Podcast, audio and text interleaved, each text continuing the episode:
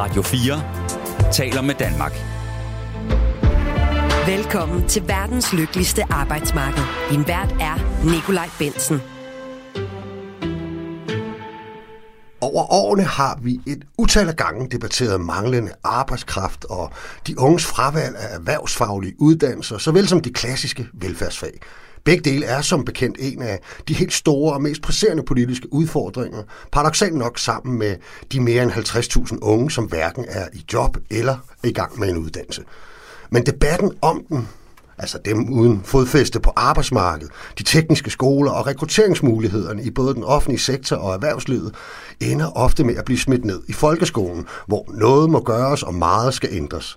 Men vi bliver sjældent konkrete på, hvad der måske faktisk kunne virke i forhold til at koble børnenes skolegang til fremtidens arbejdsmarked og de uddannelser, som er helt nødvendige, at flere unge vælger. Måske er vi i medierne også for gode til at tale de mange problemer op, uden at undersøge løsninger og finde optimismen frem. Eller som minimum fortælle de spændende historier og eksempler, der trods alt også findes derude, og som forsøger at gøre en konkret forskel. Dagens program skal handle netop om det. Vi har besøg af Carsten Vester fra Relationsnetværket, som har beskæftiget sig med det her emne i årvis. Han skal blandt andet fortælle os om et større initiativ, hvor virksomheder og offentlige institutioner adopterer hele skoleklasser i en årrække med henblik på at introducere dem til arbejdsmarkedet generelt og de faglige uddannelser i særdeleshed. Hvad det konkret går ud på, det taler jeg med Carsten om lige om lidt. Vi har øget optaget på forhånd, og man kan derfor hverken ringe eller skrive ind til programmet som normalt. Til gengæld er jeg stadig offentlig ansat 3F'er og fællestillidsmand til dagligt. De næste 55 minutter, dog jeres vært. Velkommen til programmet. Du lytter til verdens lykkeligste arbejdsmarked på Radio 4. Carsten Vester, velkommen til programmet. Tak skal du have. Du arbejder i noget, som hedder Relationsnetværket. Kan vi ikke lige starte med bare at få på plads, hvad er det? Relationsnetværket er min egen virksomhed, min egen enkeltmandsvirksomhed, som jeg har grundlag, grundlag her for en otte år siden, øh, som er et netværk, som i dag består af 150 offentlige og private virksomheder. Vi arbejder med emner som HR, ledelse, arbejdsglæde, social ansvarlighed. Øh, og under det her med social ansvarlighed, der er det, at vores initiativ med adoption af skoleklasser kommer ind. Hvor er, hvor er vi henne i landet? Er det landsdækkende, eller er det sådan lidt mere geografisk? Øh... Øh, det kan man sige, det er lidt begge dele, ja. kan man sige, fordi øh, selve netværket har sin udspring i Vejle, hvor jeg kommer fra, så vores øh, netværksmøder om HR ledelse og de andre ting foregår i trekantområdet. Men det her med adoption af skoleklasser, det er ikke 100% landsdækkende, for det er vi ikke endnu, men vi er over det meste af landet. Øh, den nordligste adoption, vi har, den er i Hjallerup op i, i Nordjylland, og så har vi fordelt ud over hele landet. Mm. Øh, Hvad er egentlig din egen baggrund? Jamen, jeg har faktisk en baggrund fra det kommunale, hvor jeg i en lang årrække har været ansat øh, på socialforvaltninger, hvor jeg har haft med de borgere at gøre, som har stået længst ud på kanten af arbejdsmarkedet. Mm. Jeg har haft med borgere at gøre, som netop ikke har fundet noget fodfæste på arbejdsmarkedet, øh, selvom det for de fleste er, et stort ønske at få et arbejde og et helt almindeligt liv. Øh, de er blevet ramt af noget undervejs. Mm. Øh, det kan være manglende uddannelse, det kan være andre barriere, de har, der gør, at de har svært ved at finde et arbejde. Så jeg har altid været interesseret i det her område med at sige, hvordan kan man skabe en vej ind for de her mennesker, som måske på en eller anden måde har svært ved det, men i bund og grund gerne vil det. Og en af dem er jo det her med at adoptere hele skoleklasser, og det dykker vi ned i lige, lige om lidt. Øhm, jeg kunne godt tænke mig, at øh, også lige bare høre dig, altså sådan, du er måske lidt inde på det. Øh, er det din socialfaglige baggrund og ansættelse i forvaltning og sådan noget, som så til gengæld er, er blevet din drivkraft i det her, øh, hvad kan man sige, krydsfelt mellem, øh, mellem børnenes skolegang og muligheder for på, på arbejdsmarkedet senere hen i livet? Ja, både og, men jeg tror rent faktisk, at der, hvor jeg, ilden blev tændt i, i mig selv, det var, at øh, min egen, jeg har tre børn, og de har alle sammen gået på en, en såkaldt øh, ghetto-skole i Vejle, mm. øh, hvor jeg jo som forælder på skolen kunne jagtage både for øh, børn med dansk baggrund, men også børn med anden etnisk baggrund, at, at der var mange, som øh, ikke kom så let igennem tingene, som for mine børn for eksempel gjorde. Fordi vi var ressourcestærke og kunne hjælpe, og selv har uddannelser, som vi kan sådan lidt smitte af på vores børn mm. på. Øh, så på et tidspunkt så blev jeg involveret i noget, noget bydelsskolearbejde i, i det her område, og så tænkte jeg, det, det må man kunne gøre bedre, end bare lade det stå til i virkeligheden. Kunne du allerede dengang, altså helt tilbage i din, i din børns skolegang, se på, på, på andre af deres øh, klassekammerater, den her forskel, du taler om, med hvad man har med hjemmefra, altså hvad for en familiebaggrund, øh, baggrund, hvad for nogle forældre, øh, har man, kunne du, kunne du se allerede dengang, at, øh, at den havde en enorm betydning for, øh, hvordan de i virkeligheden klarer sig senere hen i livet, øh, i forhold til at få fodfæste på arbejdsmarkedet, få taget en uddannelse og sådan nogle ting? Ja, uden sådan at kunne have, have forsket i det, så synes jeg godt, at man sådan, sådan på lavpraktisk plan kunne se, at, at børn, der uanset hvor de kommer fra, øh, hvis de kommer fra familier, som at de kan jo komme fra nogle udmærkede familier, men det er bare ikke sikkert, at deres mm. forældre er gode rollemodeller i forhold til at tage en uddannelse eller have en, en, en, en permanent tilknytning til et arbejdsmarked. Øh, og, og det smitter jo af på børnene, at, at, at det er ikke den vej, vi går. Mm. Vores familie er skruet sammen på en anden måde. Øh, og der kunne man tydeligt se øh, på mange af de børn, der kommer fra ressourcestærke familier, at de måske sådan mere havde en, en tanke om, hvad de sådan skulle være engang. Øh, øh, de havde i hvert fald en idé om, at øh, så skulle de formentlig, har de nok haft en idé om, de skulle i gymnasiet, og den kan man jo så se, om vi kan rette lidt ind øh, senere. Men, men hvad hedder det, man synes godt, man kunne spore nogle forskelle. De havde måske også en, hvad, en selvtillid og en tro på, at det de, det, de drømte om, det kunne måske godt blive til virkelighed. Ja, de kunne jo spejle sig i nogle rollemodeller, fordi de jo hjemme møder nogle rollemodeller i form af forældre, som går på arbejde hver dag, mm. og kunne komme hjem og sige, at det er det, jeg laver. Øhm, så det, det smitter af, tror jeg. Så det er også derfor, vi det vi nu skal snakke om i dag med adoption, går meget op i det her med rollemodeller. Fordi vi skal have skabt nogle nye voksne, mm. så det ikke kun er forældre, ja. der er rollemodeller. Jo, men så lad os varme op øh, til den snak med, øh, med lige at tage en kort runde på, om, om du egentlig personligt køber den der øh, fremstilling, jeg har jo lidt lavet i introen, og som i hvert fald rigtig mange politikere, økonomer og andre taler om, at, at vores helt store udfordring er, at der er altså nogle unge, som øh, hverken er i job eller uddannelse, og, og samtidig er der en masse unge, som på ingen måde finder, øh, hvad kan man sige, de fag og uddannelser, hvor at vi kigger ind i en enorm arbejdskraftmangel, øh, dem finder de simpelthen ikke attraktive. Jamen, det er fuldstændig rigtigt. Altså, du kan, hvis du går ind i en helt almindelig, gennemsnitlig 7. klasse på en eller anden folkeskole, et eller andet tilfældigt sted i Danmark, og spørger ind på klassen, siger, hvor mange af jer drømmer om at blive social- og sundhedsassistent på et plejecenter, så tror jeg ikke, at der kommer ret mange hænder op. Mm. Øh, så, så vi, vi har jo en, en stor udfordring med de her unge, og vi har en rigtig stor udfordring som samfund med at få, få nogle unge til at, at ændre perspektiv, eller i hvert fald blive oplyst om, at det er ikke sikkert, nu kan vi lige tage et plejecenter som sådan, at det er ikke sikkert, det er så ringe, som pressen fremskriver, eller mm. fremstiller det i pressen, fordi der er jo rigtig, rigtig mange plejecenter, hvor det går fantastisk, og hvor mm. folk er glade for at gå på arbejde hver dag. De historier er bare ikke interessante. Nej. Så hvis vi skal skabe den fortælling, så kan man via børnene skabe fortællingen. Og så er det ikke sikkert, at de i sidste ende vil være social- og sundhedsassistent, men så bliver de gode ambassadører for en branche. Mm. Og det er der mange af plejecentrene, vi har med, der går meget op i. Ja, det er klart. Og, og kunne man også ligefrem sådan sige, altså nu nævner du selv det der med, så, så de i hvert fald bærer af, af en fortælling om, at øh, der ligger et godt og givende arbejdsliv måske derhen, og, og de gør det fantastisk. Kunne man også ligefrem sige, at, øh, at de ting, dem skal man have enormt tidligt øh, i de unge mennesker. Altså, det nytter ikke noget at introducere dem til de fortællinger, når de øh, øh, går på det sidste år i gymnasiet. Det skal ske før, eller hvad? Det skal ske meget, meget før. Altså, hvis jeg må komme med en lille anekdote, ja, øh, så øh, har vi, vi har et ni Bilka-varehus med, der adopterer skoleklasser. Og i et af varehusene, så adopterede de både en første klasse og en syvende klasse, fordi de skulle sådan lige finde ud af, er det bedste at adoptere de små, eller mm. er det mm. bedste at adoptere de lidt større, større, som man normalt tænker udskoling, dem skal vi lige have ind i vores virksomhed, så vælger de nok at blive kasseassistent i Bilka. Øh, så havde vi givet dem en opgave om, at de skulle 7. klassen skulle interviewe nogle medarbejdere, og så går de ned til, en af grupperne går ned til bæren i Bilka, og det første spørgsmål, de stiller ham, det er, hvad er der gået galt i dit liv, siden du endte med at blive bager? Okay. Så sagde han, han jeg, jeg skulle lige ned og sidde på en taburet lige et øjeblik, sagde han så. Og så rejste jeg mig jo op og prøvede at forklare dem, min, jeg, jeg har, der er ikke noget, der går galt i mit liv. Jeg har ønsket at blive bager, lige siden jeg en eller anden, på et eller andet tidspunkt fandt ud af, at det ville jeg gerne. Og det er et job, jeg har taget en uddannelse i, og jeg har været rigtig mange steder. Men det er bare et symbol på, hvad vi er op imod, når mm. vi mhm. snakker de her jobs, som ikke øh, giver en Tesla og en lækker adresse i Nordsjælland og mm. høje lønninger og stor prestige og alt muligt, men er et helt almindeligt arbejde.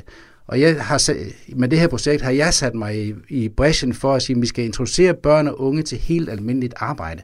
Fordi langt de fleste af en helt almindelig skoleklasse skal have et helt almindeligt arbejde. Og det skal de ikke vælge fra, fordi de tror, det er et taberjob.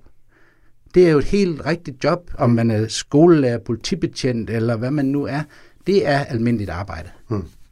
Vi er, vi er jo halvvejs ind i det, kan man sige, øh, Carsten Vester. Men, men skal vi ikke prøve at tale lidt om det her helt konkrete initiativ, hvor virksomheder og offentlige institutioner, mm. så vidt som jeg forstår det, ikke, øh, adopterer skoleklasser, og som du er en del af. Hvis du sådan skulle, skulle, skulle indledningsvis sige, hvad går det ud på? Jamen helt grundlæggende går det ud på flere ting. Øh, vi arbejder både på, på en, på en kort, kort bane, kan man sige, og en lang bane. Mm. Øh, helt overordnet arbejder vi ud for fire formål. Det ene formål det er, at vi vil have eleverne ud i en virksomhed, for at de skal blive klogere på de uddannelses- og arbejdsmuligheder, der findes. Øh, så vil der være nogle kritikere, der vil sige, kan det lade sig gøre, når man kun adopterer ind i én virksomhed? Øh, det kan det godt, fordi i virkeligheden ligner virksomheder stort set hinanden på nær deres kerneopgave. Det er klart, at en gipsfabrik i Hobro laver gips, men alt det udenom gipsen, det er det samme, som der er på Rockwool eller på alle mulige andre virksomheder. Så da vi jo adopterer ind over en lang tidshorisont, så kan de nå at komme rundt og stifte bekendtskab med mange forskellige jobfunktioner, som også findes i andre virksomheder. Mm. Det er klart, de bliver ualmindeligt kloge på, hvis de adopterer en gipsvirksomhed, bliver de rigtig meget kloge på gips. Ja, det er klart. Det er klart. Prøv, Men, prøv, prøv lige at tage os tilbage til, til, til simpelthen starten. Hvem, hvem får ideen til det her øh, projekt? Hvad var baggrunden for det, og, og hvordan øh, starter I op? Jamen, det starter op med, at øh, igen på, på min børns skole, hvor der er nogle virksomheder, som egentlig river sig, det er helt tilbage i 2003 det her, mm. øh, river sig lidt i hårdt over øh, ja, det der boligområde, ghettoområde, var jo og er lidt stadigvæk øh, sådan et halvhårdt kvarter, der sker mange ting øh, i løbet af en dag, mm. øh, og nogle unge, der går lidt sådan rundt i lokalområdet på der tunede knaller, og så var der nogle virksomheder, der sagde, det kan simpelthen ikke passe, at vi ikke kan gøre noget. Altså, mm. hvad, hvad kan vi gøre? Og så, så kiggede de over på mig, fordi øh, de var med i mit netværk, øh, og sagde, Carsten, kan du, ikke, øh, kan du ikke finde på et eller andet? Så siger hvad, øh, hvad skal jeg finde på? Men øh, så gik jeg jo alligevel og funderede over det nu et stykke tid, og jeg prøvede at se, om der var nogen andre, nogen rundt omkring i landet, der havde lavet noget, der lignede, eller, og jeg kunne ikke rigtig finde på noget. Øhm, så lige pludselig en dag, så tænkte jeg, nu prøver jeg at begynde at skrive noget fra den ene ende til den anden, se hvad, hvad det ender i. Mm. Og så diskuterede vi det frem og tilbage med de her virksomheder. Og de, de fire formål, vi løber efter i dag, det er dem, vi formulerede helt fra starten. Mm. Øhm, og så afprøvede vi det med nogle af de her virksomheder. Nogle af de første virksomheder, vi havde med, var, var, var politiet, øh, det var Falk, det var Lego, det var nogle plejecentre, det var øh, sådan en, et værksted for psykisk udviklingshemmede, og sådan, hvor vi sådan prøvede at finde ud af, hvordan, hvordan kunne man gøre det. Mm. Fordi det skal jo passe, det skal jo passe ind både i en skolekontekst og i en, i en virksomhedskontekst. Mm. Det skal jo give mening i begge øh, søjler, kan man sige. Øh, og det skal ikke tage for meget tid, og det skal ikke tage for lidt tid. Og, så vi sådan arbejder os lidt frem til en model, og det er den, vi har nu, synes vi, hvor det, hvor det passer. Hvem er de typiske samarbejdspartnere i dag? Altså, hvad er det for nogle... Øh, er, det, er det mest virksomheder, eller er det mest offentlige institutioner, eller er det meget blandet? Det er meget blandet. Øh, generelt vil jeg sige, at øh, øh, vi har flere private øh, virksomheder med, end vi har offentlige virksomheder. Mm. Og når vi har offentlige virksomheder med, så er det for 90 procent af dem alle sammen plejecenter. Okay. Det er meget svært at... Vi har også øh, noget... Øh, affald genbrug og sådan nogle ting, men det er meget svært at tale øh, det her med adoption og uddannelse til et arbejdsmarked ind i en offentlig kontekst, fordi mm. der, kunne, der er masser af steder i en kommune, mm. hvor vi sagtens kunne lave det her. Men det, det, der er vi ikke lige nået over med ideen. Lidt tungere system, ja. hvad jeg hørte dig sige. Men, det, men det kan plejecenterne, tilbage til. Ja, men plejecentrene er meget, øh, det er meget sjældent, vi får et nej fra et plejecenter, mm. hvis vi spørger. Og det er jo i øvrigt også et af de steder, hvor der findes nogle faggrupper, hvor der er alvorlige øh, rekrutteringsproblemer i, i, i øjeblikket. Ikke? Øhm, skulle vi ikke lige prøve sådan at, at, at høre dig fortælle, hvordan ser et helt typisk forløb ud? Altså, når, når en virksomhed eller en institution adopterer en skoleklasse. Jo, altså der er jo sådan et uh, længere indløb i det, kan man sige, fordi uh, vi, for det første skal vi jo finde en skole og en virksomhed, som vil arbejde sammen. Mm. Det er, er, som regel er det ikke, det er ikke så svært at få skolerne med på, på ideen, fordi der i den ja, den, nu, den nye skolereform, siger man, men den er så ikke ny længere, den er ved at være gammel. Ja. Men de indførte jo det her begreb, det her den åbne skole. Mm. Øh, og det har vagt en stor interesse blandt mange skoler på, hvordan kan vi hvordan kan vi så åbne den her skole? Mm. Og mange af, af skolerne siger også, at vi vil gerne arbejde ind i erhvervslivet, for det, det giver et eller andet sted rigtig god mening. Mm. Øhm, men så skal vi jo også finde en virksomhed, som ligger nogenlunde i nærheden af, af skolen. Er det dig, der gør det, Carsten? Ja. Er, det, er det din rolle ja. ind i alt det her? Du faciliterer? Om man faciliterer det hele. Ja. ja. Så hvis der er en virksomhed, der siger, jeg vil gerne være med, øh, så får jeg opgaven at finde en skole. Mm. Øh, og så er der sådan et, først er der jo møde med virksomheden, så er der møde med skolen, og så er der møde, hvor vi sætter os sammen, og så planlægger vi. Øh, og så hver eneste gang, at uh, eleverne er på besøg, så hedder det et læringsbesøg, for de er der for at lære noget. Mm. Vi er ikke for at se noget, de er for at lære noget. Mm. Øhm, og så, hvorfor, hvorfor betoner du det så? Øhm, det betoner jeg, fordi at øh, jeg synes, øh, der er, al, al, der er rigtig, rigtig mange virksomheder, rigtig, rigtig mange skoler og øh, vej, erhvervsvejledere og erhvervsplaymaker, eller hvad pokker det hedder, ude i, i kommunerne, som, som jeg synes jeg, øh, bruger for meget tid på at lave rundvisninger. Mm-hmm. Så vi sætter en, fire 8. klasser til at besøge en øh, robotvirksomhed. Så bliver de nok tændt af et ilden om at blive robot. Vi skal se, hvad vi kan. Ja, lige præcis. Mm. Men, men jeg tror bare ikke rigtigt, at øh, HR-chefen, der står hen ved udgangen og siger, tak for besøget, kunne du tænke dig at arbejde her, for rigtig mange ja, fordi de ved ikke noget om det. Mm. Altså, altså de, har, de er ikke blevet dummere af at se en virksomhed. Slet ikke. Men hvordan, hvordan hvad, hvad laver den her virksomhed? Hvor kommer produkterne fra? Hvem skal jeg arbejde sammen med? Øh, hvad, hvad er det, vi laver øh, i det hele taget? Altså, en mm. robot kan jo være mange ting. ja. Er det til den ene industri, er det til den anden industri, eller alle de her ting. Øh, så så jeg, jeg synes, der er for mange, som også virksomheder, fordi det er jo også, altså hvis vi bare skulle lave rundvisninger, så kunne vi jo lave millioner af dem. Mm. Men jeg tror bare ikke, det flytter ret meget. Nej, det tror jeg nok, du har ret i. Det, vi skal ned og arbejde sammen. Mm. Og der bliver vi nødt til at arbejde sammen over tid. Ja, og hvordan gør I så det? Hvordan, øh, hvad, hvad for et forløb sætter I så op? Jamen som udgangspunkt øh, siger vi, når vi starter adoptioner op, at man skal starte med en at man siger, jeg siger ikke, at vi skal starte med en første klasse. Vi skal starte i hvert fald med en indskolingsklasse. Ja. Men som udgangspunkt, så vil virksomhederne rent faktisk gerne have dem som små som overhovedet muligt. Øh, fordi nu har de jo i mange år prøvet at have med de der 7. og 8. klasser at gøre. Ja. Og det er ikke ligesom om, at det sker der ikke rigtig meget noget ved. Øh, så de er meget interesserede i at have de små klasser. Også fordi vi adopterer dem jo fra 1. til 9. klasse. Så det vil sige, at der er jo rigtig mange besøg, som vi kan lave sammen undervejs. Vi vokser op sammen, vi bliver rollemodeller sammen, fordi vi jo møder hinanden. Vi putter, putter noget i hinandens rygsække, øh, som vi kan, kan du huske, da du var så lille, og I skulle, I skulle lave et eller andet. Og nu er du så stor, og nu skal vi lave noget andet. Mm. Øh, så, så hvad hedder det? Så forløbende starter jeg i indskolingsklassen, så kører de hele vejen op, og så besøger klassen som minimum sin øh, virksomhed to gange per skoleår. Meget gerne flere. Øh, det her med minimum to gange om året, det er som regel et godt salgsargument over ved virksomheden at sige, ah, okay, to gange om året, det kan vi nok godt. Øhm, og så kører det jo egentlig år ud over ind, og så koordinerer jeg adoptionerne ved, at vi også to gange om året holder evaluering og planlægning. Det vil sige, på den ene side af skrivebordet sidder virksomhederne, fra den pågældende skole, og på den anden, der sidder lærerne. Og så hører vi lidt om, hvad de har lavet sidste gang, hvad gik godt, hvad gik skidt. Mm. Øh, fordi hver eneste adoption er egentlig unik i, at de udvikler sig lidt forskelligt deroppe. Ja. Øhm, øh, så vi skal godt lige høre, at der, de der grupper, vi fik lavet sidste gang, de jo for store, eller de her er for små. Jeg skulle lige til at spørge, hvor kollektivt og hvor individuelt kan forløbet egentlig være? Altså er det hver gang, du ved, hele klassen ude, eller finder man hen ad vejen ud af, jamen, Ibrahim ja. eller Karsten, han skal måske passe lidt mere med pedellen, end han skal med, med HK'en for løn. At der sker det, altså som udgangspunkt er det altid klassen, der er ude samlet, fordi at det læringsbesøg, de er på, er en del af et undervisningsforløb, mm. som starter op i skolen.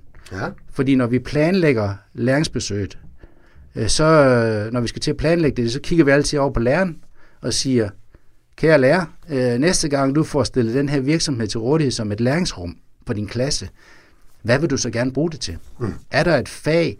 Er der et tema? Er der en disciplin, som du tænker, I skal arbejde med, som man kan transformere over i den her virksomhed? Fordi så får vi både sat fokus på, at de lærer noget, de kan se, det de lærer i skolen, kan de bruge i en, en virksomhedsrettet kontekst. Men da det jo så sker op i virksomheden, så får de jo også noget virksomhed med. Mm. Så vi, det er derfor, på den korte bane scorer vi noget om, at de får noget indsigt i det, de lærer i fagene. På den lange bane får de interesse i virksomheden, eller branchen, eller nogle jobfunktioner, mm. øh, som er på den her virksomhed. Jeg står med, med noget materiale fra, fra, fra jeres hjemmeside, som jeg tror hedder relationsnetværket.dk, ikke Carsten? Yes, dejligt nemt, må man sige, ja. hvis man skal huske den. Øh, og der er der jo øh, beskrevet øh, det formål, som I arbejder ud fra, ikke? Og ja. det synes jeg egentlig er meget interessant. Kan du ikke lige prøve at, at gå, gå dem igennem? Jo, der er som sagt øh, fire formål. Det ene er det her med, at de skal ud og blive klogere på uddannelse og erhvervsmuligheder på et mangfoldigt arbejdsmarked. Mm. Jeg vil også sige, at vi er som initiativ ikke 100% øh, dedikeret til, at eleverne skal have en erhvervsfaglig uddannelse. Øh, det er der mange virksomheder, der adopterer, der er. Men vi er meget optaget af, at eleverne bliver så kloge, at de kan tage nogle kvalificerede valg. Fordi dem, der skal i gymnasiet, skal selvfølgelig i gymnasiet. Dem, der skal i gymnasiet, skal vi jo ikke til at... Hvis de kan have en, Tvinges til det, det, det får vi jo ikke noget godt ud af. Mm-hmm. Men vi kan ved at, at arbejde sammen med virksomheden, kan vi jo få dem til at få øjnene op for, at der også er noget derover. Så er det næste, det er, at eleverne skal lære, øh, vi kalder det arbejdsmarkedskultur. Mm. Men i virkeligheden handler det om dannelse. Ja, det vil andre måske kalde det. Ja, ja. men det handler om, at vi skal prøve at se, om vi kan fortælle dem noget om sådan helt almindelig dannelse. Mm. Hvordan omgås man hinanden på en arbejdsplads? Mm. Hvordan tilgår man, hvis man nu er adopteret af plejecenter, hvordan tilgår man borgerne? Mm. Øh, hvordan tilgår man kunder, hvis man er i, mm. adopteret af IKEA, eller ja. hvor man nu er henne. Øh, og i det hele taget, hvordan opfører man sig øh, på en arbejdsplads? Fordi det ved vi også fra blandt andet vores netværk for HR-chefer, at de taler rigtig meget om det her med, hvordan får man integreret de her unge på vores arbejdsplads, fordi de skal lige pludselig arbejde sammen med nogen, der måske er 30 år ældre, mm. og som bare er et helt andet sted, øh, og har ikke har samme egocentreret måde og skal blive anerkendt på hele tiden. Ja. Når, når jeg selv arbejder med erhvervspraktikanter, og ja, det kan egentlig også være unge lærlinge, ja. øh, faktisk, ikke? og det gør jeg jo en hel del, øhm, så, så tror jeg, jeg kalder det ord for, at, at vi prøver at introducere dem til, til voksenfællesskaber. Fordi at... Øhm, og, og det, det er jo egentlig lidt, lidt mærkeligt i dag, ikke? Altså, der er vores uddannelsessystem jo også skruet sådan sammen, og det er jo også blevet meget sådan, at man kan gå igennem en lang tilværelse, og stort set kun møde nogen, der egentlig lidt ligner dig selv, og har været sammen med nogen, der har haft din egen alder og interesser osv., ikke? Øh, og jeg tænker altså, der er noget virkelig dannende i det der med, at man finder ud af, at, øh, at voksne mennesker på en arbejdsplads kan komme vidt forskellige steder fra, og, og skal få det til at hænge sammen. Der er nogen, der skal tømme opvaskemaskinen, og nogen skal lave kaffen, og alle de ting der, ikke? Er du enig?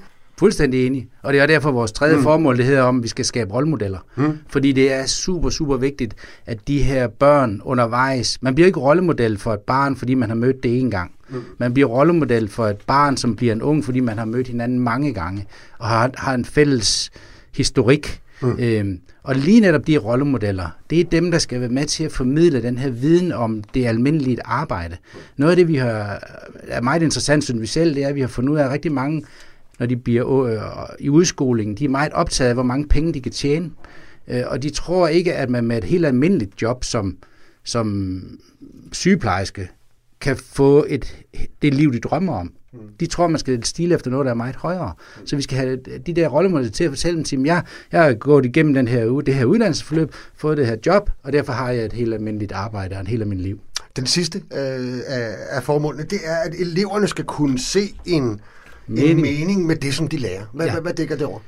Det dækker over, at øh, vi tager udgangspunkt i de her fag og temaer, som eleverne på det pågældende klassetrin skal igennem. Så det kan godt være, at et læringsbesøg er bygget op om faget dansk. Mm. Det kan godt være, at et læringsbesøg er bygget op om faget matematik.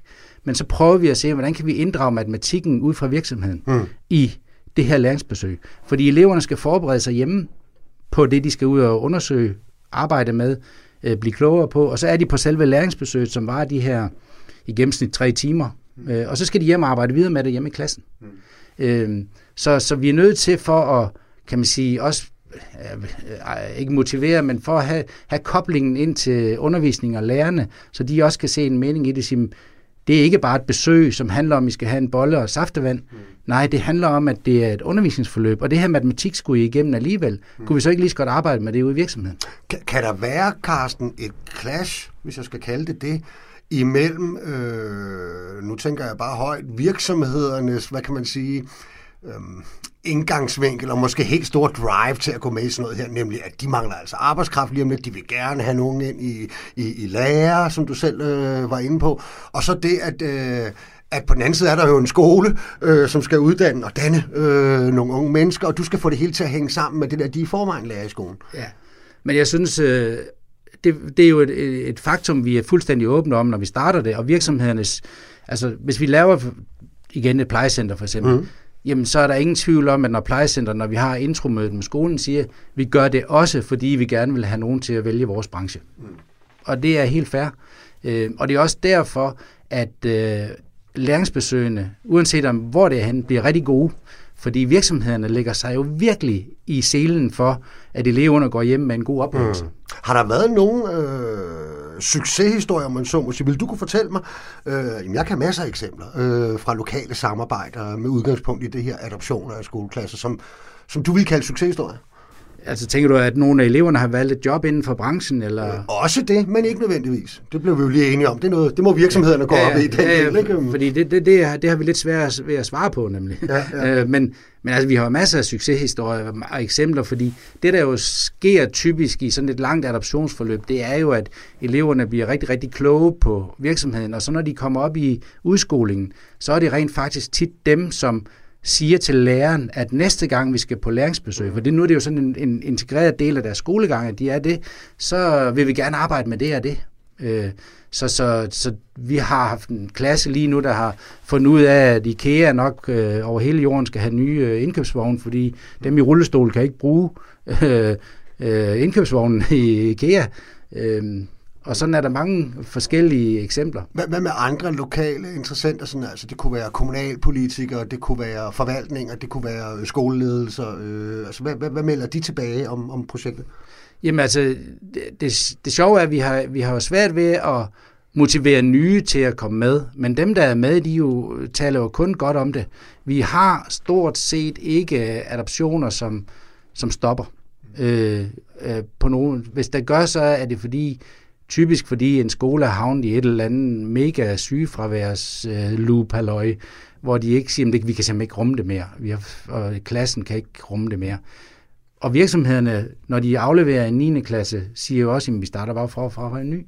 Øh, så, så, så det, øh, men sådan på det kommunale niveau og det politiske niveau og sådan ting, der, der har jeg ikke indtryk af, øh, at det er noget, som, ja, hvis man skal sådan være rigtig grov, så kan man sige, det interesserer de sig ikke for. Øh, mærkeligt nok. Okay. Radio 4 taler med Danmark. Velkommen til verdens lykkeligste arbejdsmarked. Du lytter stadig til verdens lykkeligste arbejdsmarked på Radio 4, og mit navn er Nikolaj Bensen. I dagens program, som er optaget på forhånd, taler vi om de unge i folkeskolens kobling til voksenlivet, og det foregår som bekendt på arbejdsmarkedet. Hvordan vi kan introducere dem til altså bedre til fremtidens muligheder, og især de erhvervsfaglige og klassiske velfærdsuddannelser. Blandt andet gennem det, vi har hørt om i den første del af programmet, nemlig et mangeårigt projekt, hvor virksomheder og offentlige institutioner har adopteret hele skoleklasser og jævnligt haft dem på besøg og i praktik. Og det har jeg gjort med dig, Carsten Vester, og du er stadig fra noget, som hedder Relationsnetværket, har arbejdet med den her form for projekter i overvis. Nu har vi jo brugt øh, god tid på at, at udfolde, hvad projekterne går ud på, og, og hvad der er det, det gode ved det. Øh, du er så småt øh, begyndt at tale dig varm på, hvad du så til gengæld også synes måske er lidt irriterende, og hvad der kan være udfordringerne, og hvad du mangler i hvert fald øh, af engagement fra andre. Take it away. Jamen altså, det der irriterer mig, altså, jeg ved ikke om det irriterer mig, fordi det, det er jo, men jeg, jeg kunne godt tænke mig, at der var lidt mere øh, politisk medvind på det her. Øh, for jeg synes, at øh, vi, vi, vi stagnerer i sådan en holdning om, at det her med øh, vejledning af unge og erhvervspraktikker og virksomhedsbesøg, det er noget, der skal foregå i udskolingen. Og, og, og det er i min optik helt forfejlet, fordi det er alt for sent. Fordi eleverne har allerede en eller anden billede af, hvor de gerne vil hen, og de skal helt sikkert nok i gymnasiet, for det har store, storesøster været, eller det har mor og far også været. Ja, mor vil i hvert fald gerne have det. Ja, øh, lige præcis.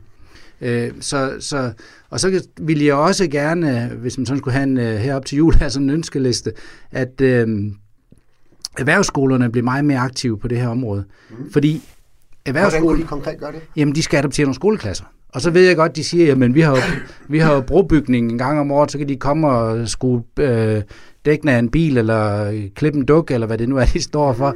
Men en erhvervsskole i sig selv er jo en kæmpe stor virksomhed, som kunne adoptere, uanset om de har erhvervsuddannelse eller ej, så er det en kæmpe store virksomheder, som sagtens kunne adoptere skoleklasser. Men prøv at tænke et slaraffenland, det ville være at blive adopteret ind på en erhvervsskole, og så kunne arbejde med nogle af alle de her uddannelser. Det er sjovt, du nævner, fordi at det, det, noget af det, de faktisk har gjort erhvervsskolerne over de senere år, det er, at de har været øh, sammen med virksomheder selvfølgelig, været meget aktive i det her skills, mm. hvor der bliver holdt Danmarks mesterskaber inden for alle mulige fag, og der kan man jo decideret måle, at det er sådan, at hvert år bliver det holdt i en ny by, så er det i Kalundborg, så er det i Herning og, og så videre, og man kan simpelthen måle ja. hvert år, at, øh, at året efter øh, det har været i en bestemt by, så er ansøgningerne til de erhvervsfaglige uddannelser steget i det område. Altså, så der burde jo altså simpelthen, hvor de har afholdt skills, ikke? og hvor man har været ude og kigge på alle de der konkurrencer og blevet introduceret til alle de her fede fag. Så, så hvorfor tror du, at erhvervsskolerne ikke altså oversætter det til et mere nært plan, som det du taler om, at, at der må der være noget at hente, også fra, øh, øh, hvad kan man sige, Next i København og Erhvervsskolen i Esbjerg osv.? Jamen, alle mulige steder. Øh, der er jo, jeg ved det simpelthen ikke, fordi det er endnu ikke lykkedes mig at få en dialog med en erhvervsskole. Mm. Vi har sendt materialer, vi har gjort alt muligt. Vi har i, i den her uge haft et hotel i Slagelse, der har haft sådan et helt... Øh, eleverne i klassen, som går i 6. klasse, har lavet mad til 75 gæster, hvor de har afprøvet kokkefaget i praksis sammen med, med, med det her hotel. Øh, I Slagelse, der ligger der en skole, erhvervsskole, der uddanner kokke, tjener osv. osv. Der, der sker ikke noget. Der bliver ikke en kobling imellem mellem øh, det her og så det andet. Øh.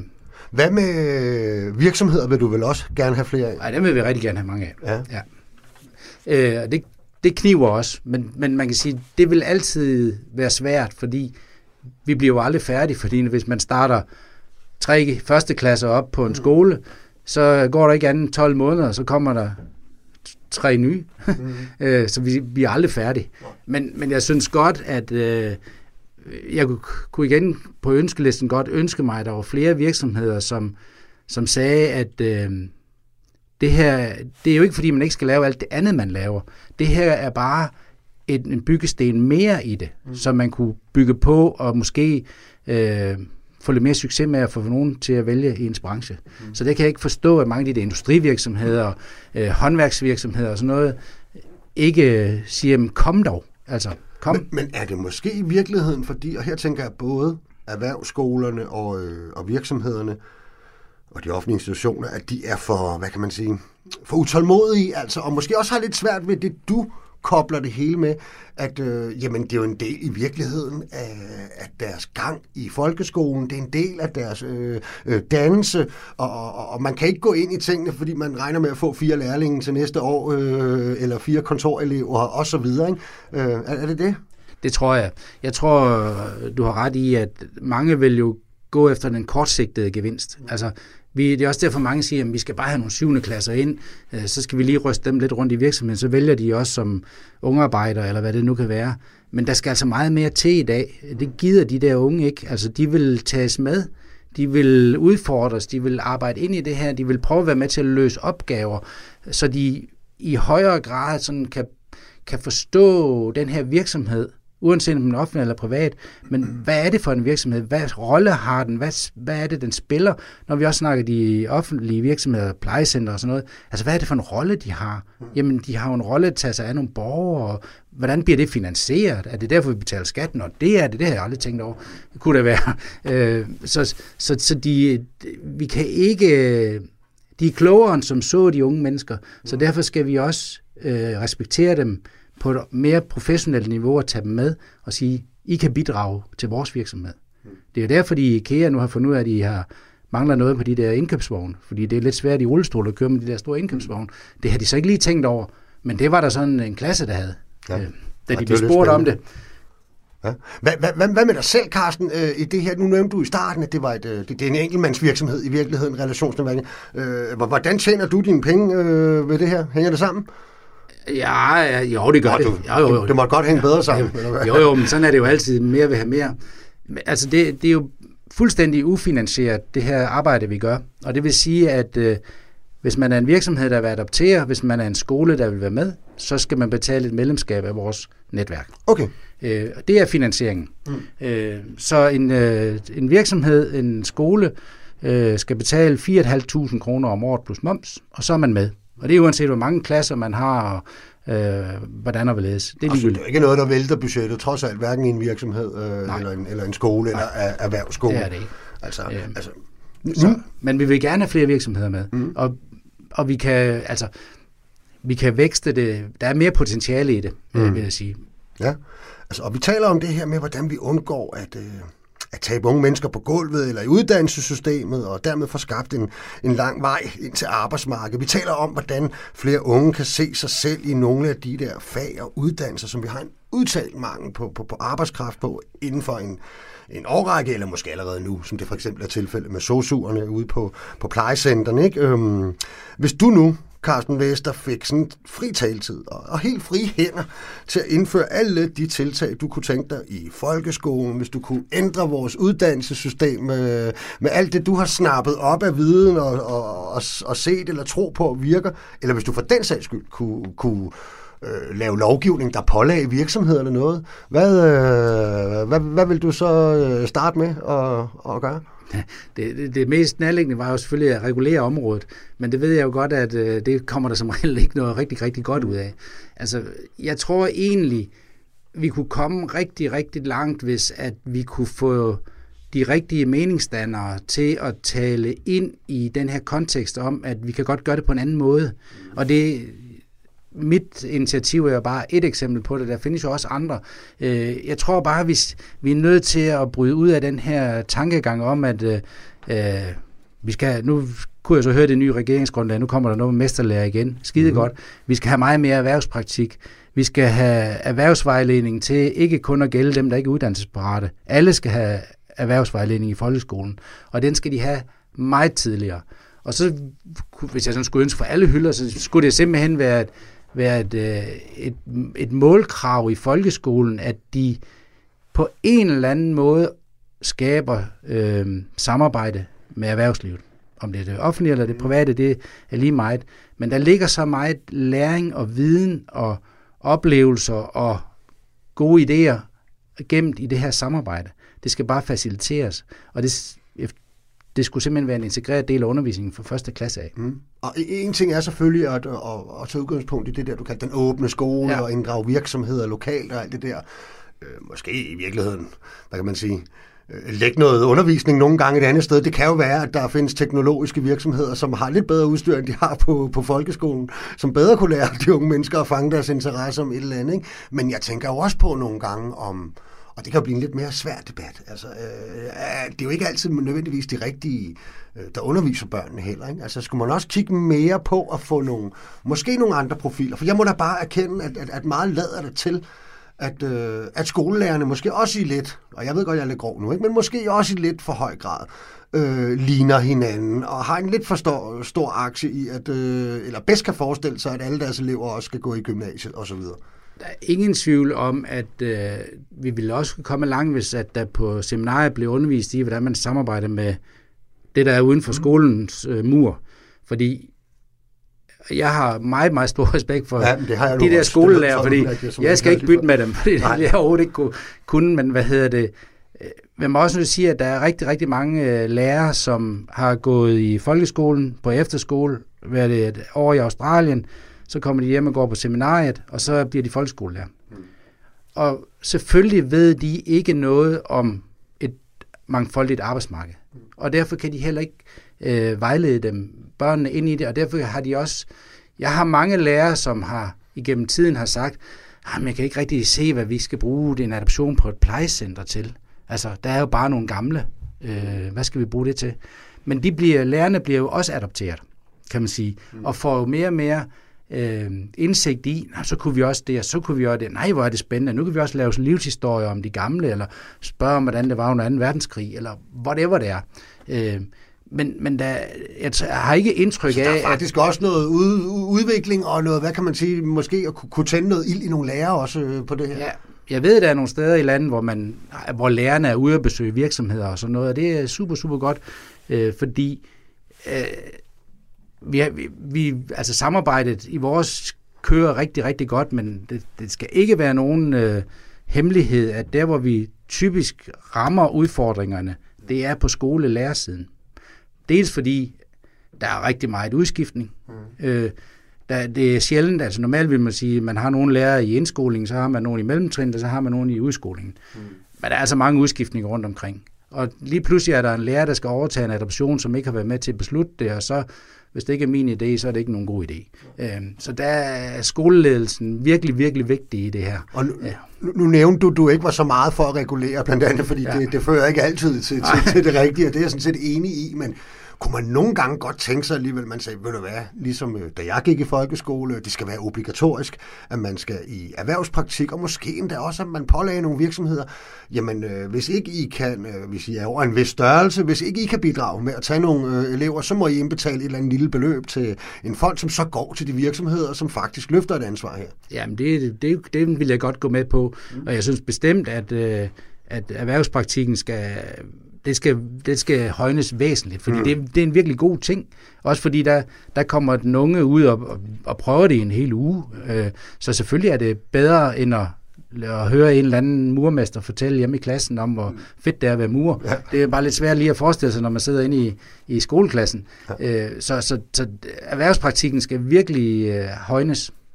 Og så skal den måske være på flere forskellige klassetrin. Hvis man ikke vil køre adoptionsspor, så kunne man måske sige, at vi skal have en erhvervspraktik i indskoling, i mellemtrin og udskoling. Så har de da trods alt været ude tre forskellige steder eller, øh, undervejs. Og, og nu nævnte du en, øh, en mur. Så lige øh, her til sidst, Carsten, altså vi har jo fået en ny regering, og vi har fået en ny børne- og under, øh, minister, som jo faktisk er mur. Det må være en af de første øh, faglærte, i mange år i hvert fald, der skal nu skal stå for det der område og, og ser du i virkeligheden noget positivt for dig over, dels at det er Mathias Tesfaye, der, der har den post, dels at det er en bred regering, der måske tør gøre nogle, det er jo i hvert fald det, der er resonemanget nogle steder, øh, tage nogle modige beslutninger øh, på de her felter, øh, som kan afhjælpe øh, hvad kan man sige, de unges manglende lyst til visse uddannelser, og måske kan få flere øh, unge ind på arbejdsmarkedet, som er udenfor.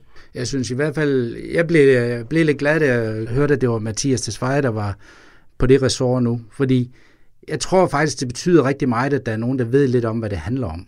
Altså, det der, har han også tit sådan givet udtryk for. Han ved godt, hvordan det er at stå på en byggeplads, når det regner. Mm. Og, sådan ting. Og, og, og det tror jeg er en vigtig viden. Og han får også at vide, at vi laver det her.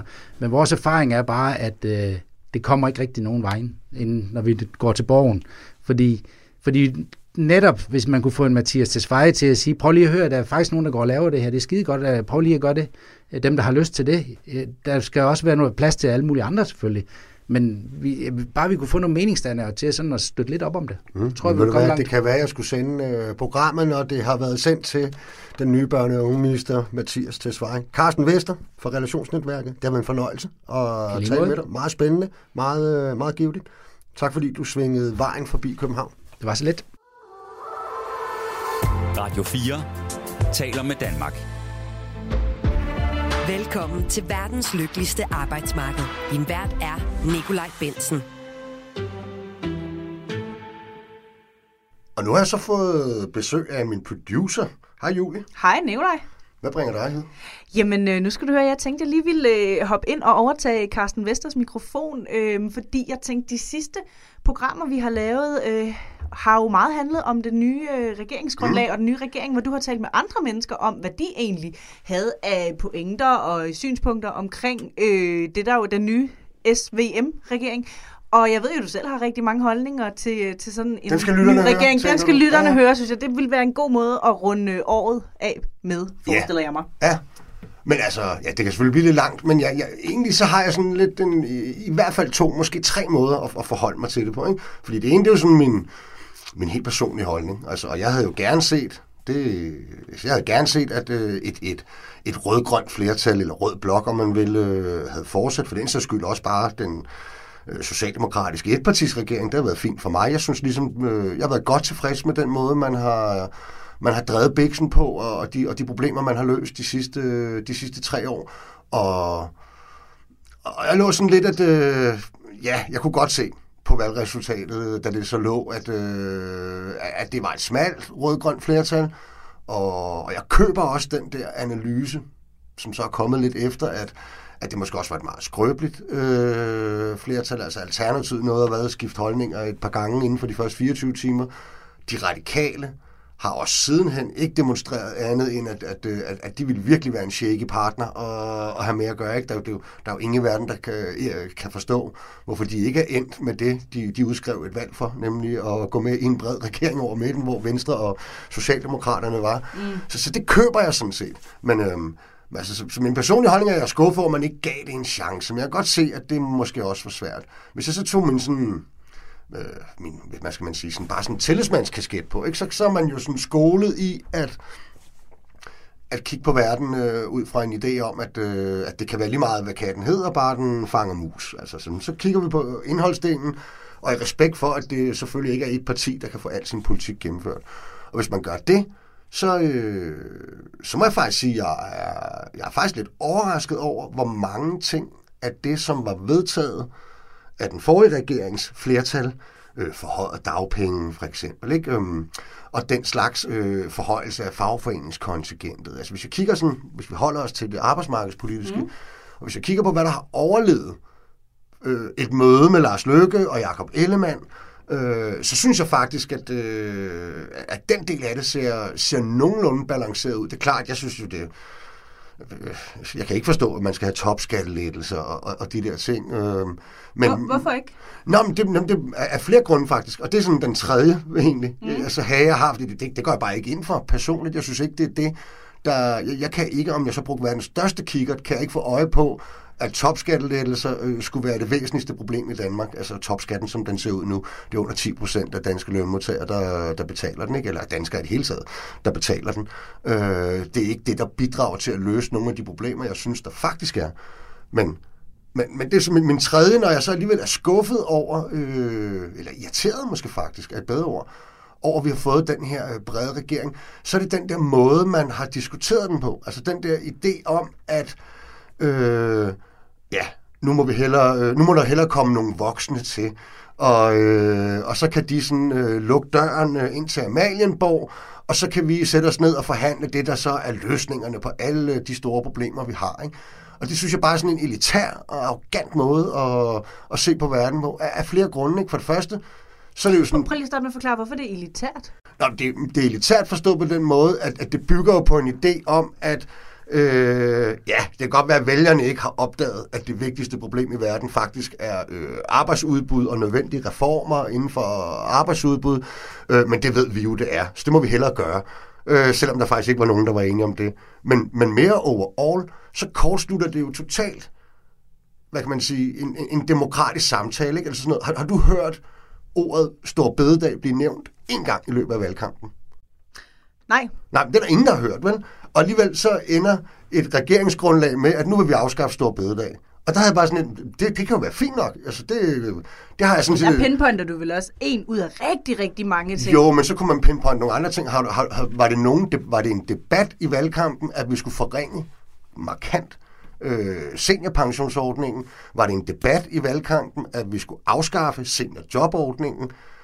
Var der noget, der mindede om et flertal, altså hvor man kunne sige, det var valgets tale, øh, for at vi skulle have topskattelettelser. Altså Socialdemokraterne gik til valg på, at øh, over deres lig, Venstre gik ikke engang til valg på at indføre topskattelettelser. Tværtimod gjorde de grin med de konservative, fordi mm. de gik til valg på det. Ikke?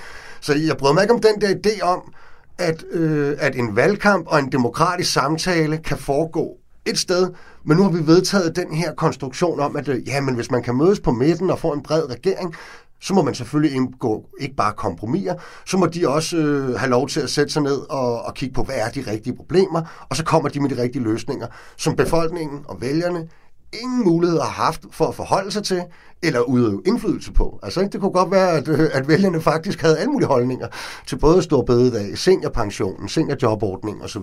Så jeg synes, det synes jeg er arrogant og elitært, at øh, hvis Men politik hvordan- skal føres på den måde. Ikke? Øhm, Hvordan kunne man have bragt det op i valgkampen, hvis der ikke er nogen, der specifikt er gået til valg på en SVM-regering? Hvis der ikke er nogen, der er gået til valg på at sige, at vi vil danne denne her type regering bestående af specifikt de her tre partier. Hvordan kunne man have forberedt vælgerne anderledes? Jamen, det, det kunne man vel, tænker jeg, jeg ved godt, det kan være lidt svært, men det kunne man vel ved, at, øh, at den samtale, man havde ført, og den valgkamp, der havde været, øh, den så faktisk tog højde for det, fordi at det blev jo bare til sådan nogle retoriske selvfølgeligheder, hvor man sagde, jamen en bred regering kan bedst løse de kriser, vi står i, og de udfordringer, vi står overfor. Og så stoppede det rigtig tit der. Men Så hvis det nåede også er det, ikke- man er gået på valg på, og vi løse kriserne, uden at være specifik omkring, bare hvordan? aldrig, jeg synes bare aldrig, vi fik en ordentlig debat om, hvad kriserne reelt var. Nej. Altså, jo, alle er enige om, der er en krig i Ukraine. Fair nok. Men altså, hvad, hvad er den store krise i Danmark, øh, som kræver det der? Det stoppede ligesom med, med ideen om, at øh, nå, det ved vi jo alle. Vi har kæmpe store udfordringer, og ja, vi ved, øh, nogenlunde i hvert fald, at øh, vi mangler pædagoger, sygeplejersker og sosuer nu og på længere sigt. Vi ved, vi mangler øh, faglærte øh, på længere sigt. Det er nogenlunde det, vi er enige om. Men det er jo ikke, helt, det, er jo ikke det, der sådan er hovedkernen i det regeringsgrundlag, som man adresserer og løser. Tværtimod er de jo vendt tilbage til det der arbejdsudbud. Bredt set, det er hænder generelt set, det er 45.000 ekstra hænder, der skal smides ud øh, på arbejdsmarkedet af enhver slags øh, udlandsk ufaglærte. Øh, ja, øh, vel som helst fag, også inden for brancher. Øh, der, der er ikke noget, der sådan... Jeg tænker, hvis vi havde haft en debat om, hvad vores øh, reelle udfordring er, så kunne vi have fået en debat om, hvor nogen mente, jamen det er bredt set arbejdsudbud. Det er et færre synspunkt, jeg er bare uenig. Mens andre måske ville have sagt, nej, det er det ikke. Det er nogle øh, bestemte kompetencer, og vi skal lave reformer. Vi skal lave en stor uddannelsesreform, som sikrer, at flere unge øh, dirigeres eller vælger øh, de uddannelser, vi mangler. Øh, så kunne vi have fået den debat, ikke? Altså, om man kunne have fået clinchet, om det er... Øh, om det bare er arbejdskraft af enhver slags, vi mangler, eller om det er de rette kompetencer her og nu og i fremtiden. Altså sådan, Ja, her er det måske meget godt for lytterne lige at vide, fordi øh, nu siger du også, at du ville have foretrukket en øh, rødgrøn, eller måske endda en ren rød regering, og du siger også, at du tager tillidsmandskasketten på, og det er jo det, du gør uge efter uge i det her program. Øh, bruger din egen øh, post, eller øh, hvad skal man sige, altså erfaringer og perspektiver mm. fra arbejdsmarkedet som tillidsmand rigtig meget. Er du egentlig også, øh, tilhører du et særligt parti? Nej, jeg, øh, jeg tilhører rød blok, kan Ja. man sige. Ikke? Eller gamle dage, vil jeg Tror jeg ikke, der er mange lytter, der er Nej, det tror jeg ikke, de er i tvivl Men du har ikke et særligt, øh, altså nogen jeg specifik ikke- tilknytning jeg har, til et parti? Nej, og jeg er ikke medlem af noget. Nej. Jeg har, jeg har stemt, øh, jeg har prøvet at stemme på alle tre, øh, hvad, hvad det man kunne kalde øh, arbejderpartier, altså Enhedslisten, SF og, og Socialdemokraterne, øh, ved forskellige valg. Altså, og jeg har også øh, prøvet nogle af de gange, hvor de har ligget inden for samme år, at stemme på forskellige partier til henholdsvis kommunalt eller eller øh, hvad kan man sige, til Folketinget og til Europaparlamentet og til og jeg har også prøvet at stemme taktisk, altså, mm. øh, hvor jeg simpelthen tænkte, at det er nok meget godt. Jeg er måske egentlig mere enig med, med Socialdemokraterne, men øh, jeg tror, det er meget godt, at der er noget, der trækker, trækker dem lidt. Øh, så sådan. Så er det også lidt det, at du som en, der før har stemt på Socialdemokratiet, uanset om du så også har gjort det den her gang eller ej, så er det ikke socialdemokratisk politik, du får. Det synes jeg ikke. Nej. Altså, og og det, det synes jeg var fair nok, for selvfølgelig får du ikke socialdemokratisk politik, når Jakob Ellemann er øh, visestatsminister, og Lars Løkke er udenrigsminister. Så kan det jo ikke blive, og skal ikke være socialdemokratisk politik. Så det er egentlig fair nok. Jeg tror bare, jeg synes, at det, øh, hvad kan man sige, den, den tone, der er lagt ned over regeringsgrundlaget, det er sådan lidt et, øh, ja, nogen har kaldt det tilbage til nødvendighedens politik, og Bjarne Corydon og sådan noget. Men jeg vil mere sige, det er sådan noget, det er sådan noget lidt management, altså det, det, det har meget sådan en idé om, at øh, nu må ledelsen øh, sætte sig ind i et rum og komme med de gode idéer og fortælle medarbejderne, øh, hvor skabet står, fordi det kan de nok ikke selv regne ud. Altså, det er sådan den, jeg får, og den provokerer mig altid som tillidsmand, når nogen har den der idé, ikke? Øhm, og især hvis du kigger på, hvis du kigger på øh, de, de tre største ting, der har jo gjort valg de senere år, det har jo ikke været politikere, der er gået forud og sagt til vælgerne, I, I er nødt til at forholde jer til det her problem. Det, det har jo været vælgerne, det har været først udlændingsspørgsmålet, hvor de var langt forud for politikerne og sagde, øh, men vi, vi er bekymrede, og vi har et problem med det her. Det var klimaspørgsmålet, hvor de var langt forud for politikerne og sagde, vi er bekymrede øh, over det her, og det var tilbagetrækning og pension. Mm. Ikke? Så det er ikke sådan, at det altid er, at man kan sætte politikere ind i et rum, og så kommer de ud og har luret verden af, og fundet ud af, at det er nok det her, der betyder noget fremover. Det kan lige så godt være vælgerne. Jamen altså, således så fik vi øh, udfoldet nogle af dine perspektiver på den nye regering, så det kan man jo øh, tage det eller lade være som lytter, og øh, i hvert fald vide, at du vender stærkt tilbage i det nye Lige år. præcis. Kan du have et godt nytår, Jul? I lige måde, Nikolaj. Ja. Og vi ses igen i det nye år. Verdens lykkeligste arbejdsmarked, det er produceret af Rackerpark Productions for Radio 4. Og det var faktisk dig, Julie, der var dagens producer. Det var det. Yes. Vi ses, Vi ses. i det nye år. Gør vi i hvert fald.